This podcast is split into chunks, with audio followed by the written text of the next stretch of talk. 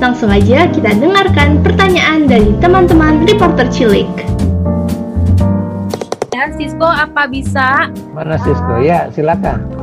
Kenapa setiap negara mempunyai duta besar dan bagaimana proses kerja seorang duta besar? Proses apa? Kerja seorang duta besar. Oh ya, sebetulnya eh, tidak semua negara. Jadi semua negara punya duta besar, ya. Tapi tidak semua negara itu memiliki kedutaan di semua negara, ya. Tapi contoh Indonesia itu adalah negara yang paling banyak di ASEAN yang punya perwakilan ya di luar negeri ya. Tadi saya katakan ada 132 perwakilan. Dan kalau ditanya kenapa kok ada kedutaan besar, karena tadi saya katakan kedutaan besar itu adalah representasi atau perwakilan dari negara tersebut di negara akreditasi ya. Tapi contoh Tunisia itu punya kedutaan besar satu-satunya di ASEAN itu di Jakarta dia bukan cuma mewakili Jakarta tapi juga mewakili Australia. Jadi Indonesia itu negara spesial buat Tunisia karena eh, kedutaan besar Tunisia di Jakarta itu mewakili juga Tunisia di, di 10 negara ASEAN ya dan juga Australia. Dan bagaimana proses kerjanya? Nah, tadi saya katakan proses kerjanya itu eh, saya misalnya mendapatkan perintah dari Kementerian Luar Negeri atau Kementerian Perdagangan Jakarta untuk kemudian menghubungi Kementerian Luar Negeri atau Kementerian Pertahanan atau Kementerian uh, Perdagangan di Indonesia untuk melakukan ini ini ini ya. Dan kemudian kami menulis surat ya melalui Kementerian Luar Negeri ke Kementerian Perdagangan, Kementerian Kesehatan dan sebagainya dan sebagainya. Jadi kedutaan besar itu atau duta besar itu tidak bisa langsung misalnya saya langsung ke Menteri Dalam Negeri Tunisia. Nggak bisa. Harus semuanya melalui Kementerian Luar Negeri Tunisia ya. Kenapa demikian? Karena memang uh, semuanya itu harus melalui satu pintu istilahnya ya. Jadi kalau ada mahasiswa Indonesia misalnya punya masalah dengan kartu tanda penduduknya di Tunis kok nggak keluar-keluar ya. Dan itu biasanya kami mengirim surat kepada Kementerian Dalam Negeri Tunisia melalui Kementerian Luar Negeri Tunisia agar itu diperhatikan. Dan nanti saya akan ketemu dengan menteri dalam negerinya dengan dirjennya dan sebagainya. Itulah proses kerjanya ya. Tapi kalau saya juga mau keluar kota ya itu juga nggak boleh. Misalnya saya mau liburan ke Eljem atau liburan ke Tuzer ya ke daerah Sahara. Lihat salju di di Tunisia yang ada pegunungannya. Itu nggak bisa pergi begitu aja. Saya harus bikin surat ke Kementerian Luar Negeri Indonesia ya. Bukan minta izin tapi memberitahu bahwa saya akan pergi ke sini ke sini ke sini. Apakah membawa delegasi Indonesia ataukah hanya untuk liburan biasa jadi kenapa demikian ya supaya kalau ada apa-apa dengan saya sebagai duta besar itu polisi atau garda nasional di wilayah itu tahu dan mereka akan memberikan satu pengamanan. Jadi begitu. Oke. Iya Sisko ya. Ya, Ya, sudah menjawab. Nyala mau tanya Pak, Hmm. manakah yang lebih Pak Ikut sukai, menjadi duta besar atau peneliti? Waduh, kalau ditanya begitu semuanya ada suka dukanya, ada enak dan nggak enaknya, ya. Saya sebagai peneliti ya pernah menulis hampir sekitar 100 artikel di harian Kompas ya, Sinar Harapan di Merdeka, di Suara Pembaruan, di, Jakarta Post atau juga koran-koran di luar negeri ya. Itu senangnya begitu. Jadi kita bisa menge- mengeluarkan gagasan-gagasan atau analisis mengenai politik Indonesia ataupun internasional dengan bebas ya, jadi dengan bebas. Tapi sebagai duta besar ya Bu Menlu mengatakan ya boleh nulis tapi yang terkait dengan kebijakan negara pokoknya kita membina hubungan baik ya. Dan sebagai peneliti ya saya juga pernah keliling dunia ya. Jadi sebelum saya jadi duta besar di Afrika Utara ya misalnya ya saya juga pernah diundang oleh duta besar Republik Indonesia di Afrika Selatan pada saat itu ya untuk ngomong mengenai Papua ya misalnya ya. Dan juga ke apa namanya itu yang kalau anda tahu Tanjung Harapan ya, Ya, jadi saya pernah ke sana ya. Itu itu adalah benua kelima yang saya kunjungi ya. Jadi jadi saya sebagai peneliti pernah ke Australia ya. Pernah ke eh, Eropa ya. Dulu ke Jenewa ke negeri Belanda ke Inggris ya. Ke London ke Oxford ya pernah juga ke Amerika Serikat ya. Washington DC ke New York ke Los Angeles ya. Pernah juga ke kalau adik-adik pasti juga pengen ya Disneyland ya. Jadi eh, dan pernah juga menjadi peneliti di Kyoto University 6 bulan dan dulu sampai 2017 itu hampir setiap tahun dari 2004 itu saya ke Kyoto ya. Jadi jadi enaknya gitu. Pernah juga ke Cina ya. Saya 11 kali ke Cina ya. Ke Beijing ke bagian selatan dari Cina kemudian ke Shanghai. Mana-mana. Sebagai peneliti itu enaknya suka diundang untuk jadi pembicara ya. Atau diundang untuk ikut rombongan itu. Nikmatnya jadi peneliti itu kalau kita punya jaringan yang luas ya. Dan juga punya nama baik ya sebagai seorang peneliti itu biasanya undangan ke mana-mana itu besar ya jadi mungkin adik-adik nggak tahu ya bahwa saya sampai 2017 kemarin masih sering muncul di berbagai televisi di Indonesia ya. Itulah enaknya jadi peneliti. Tapi kalau enaknya jadi duta besar, ya terus terang enak juga ya sama peneliti juga bisa diundang oleh Presiden Republik Indonesia zaman PSBY atau zaman Pak Jokowi ya, zaman Bu Mega juga ya. Tapi di sini saya juga duta besar juga bisa diundang oleh Presiden Tunisia ya. Kayak sebelumnya oleh almarhum Presiden Isepsi dan sekarang oleh Presiden Kais Said ya, Presiden Tunisia yang baru ya. Sama Menlunya juga demikian, bisa ngobrol langsung dengan Menlunya, bisa ngobrol langsung dengan beberapa menteri di Tunisia ini dan sebagainya dan sebagainya. Kalau Anda tanya kebahagiaan apa? Kebahagiaan saya itu adalah apabila apa yang saya perjuangkan itu akhirnya berhasil. Itu nikmatnya menjadi duta besar. Habil, mau tanya apa, Bil? Selain menjadi duta besar, kegiatan Pak Ikrar apa? Oh, selain menjadi duta besar, macam-macam ya. Ber apa ya kita tetap melakukan hubungan silaturahim dengan teman-teman satu angkatan di UI ya melalui WA Group ya. Kemudian juga dengan teman-teman berbagai angkatan di UI juga ya.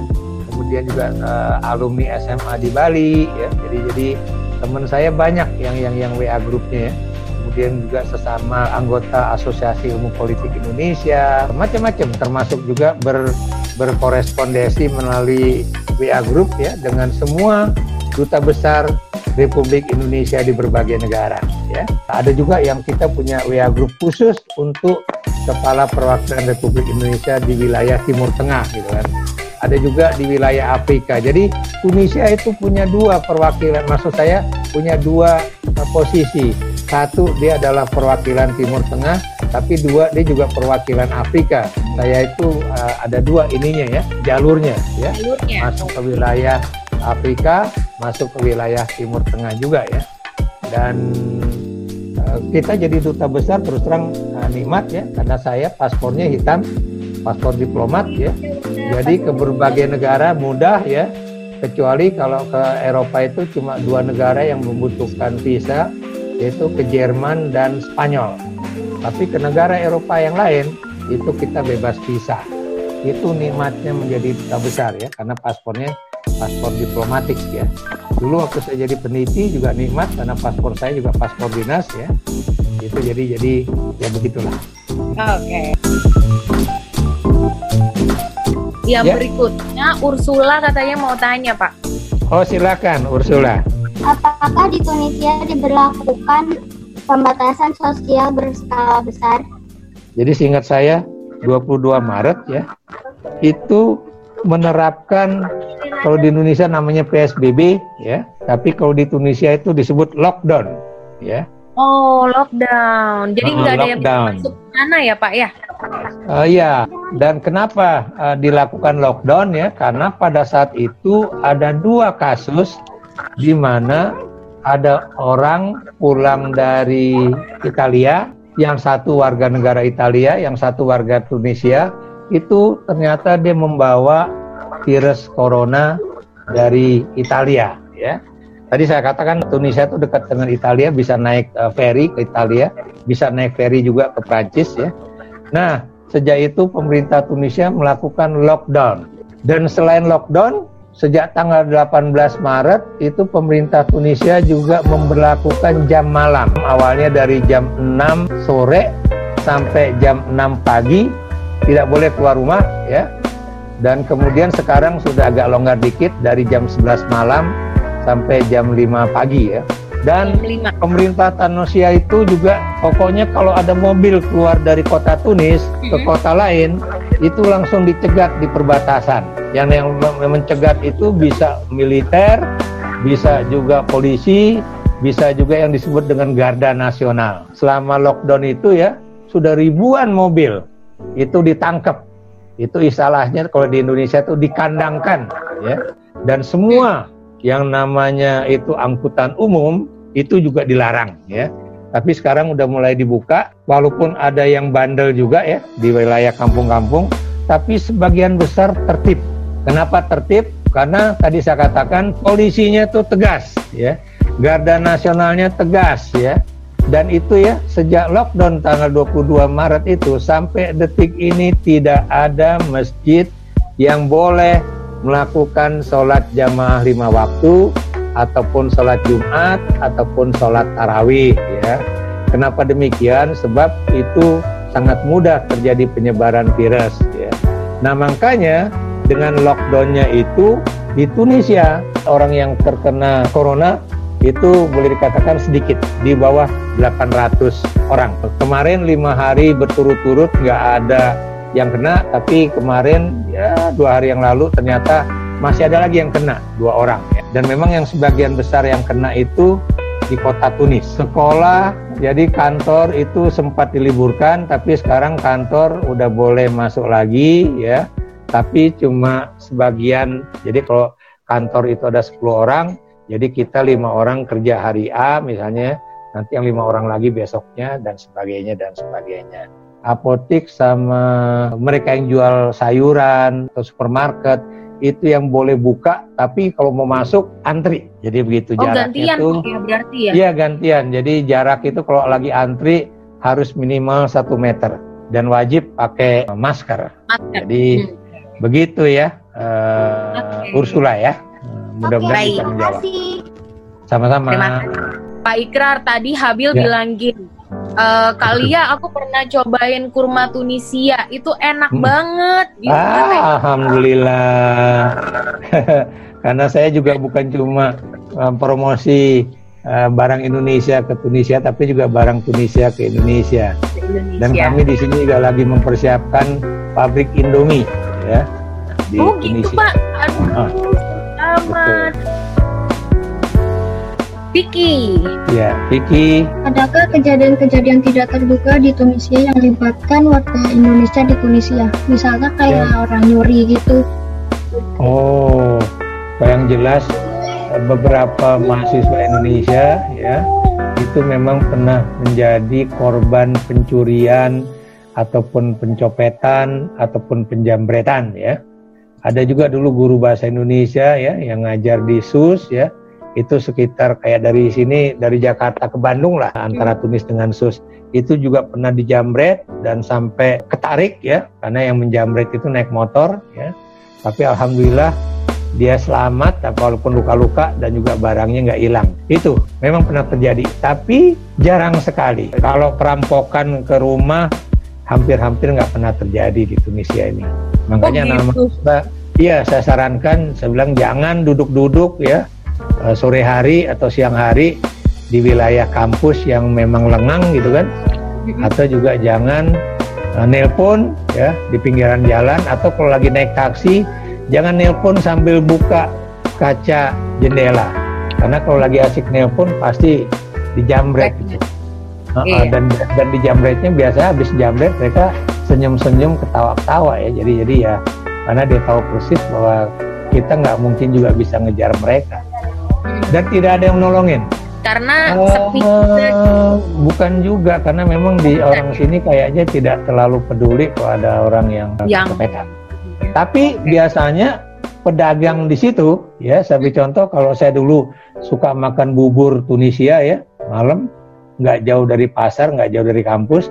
Nah tukang bubur itu selalu ngasih tahu saya kan, eh handphone ya, jangan. Tapi nggak ngomong dia cuma bilang aja kasih kode handphone jangan taruh ini, dompet jangan taruh di kantong, jangan naruh barang di mobil dan sebagainya dan sebagainya takut nanti mobilnya dipecahin kacanya diambil uh, barangnya. barang-barang.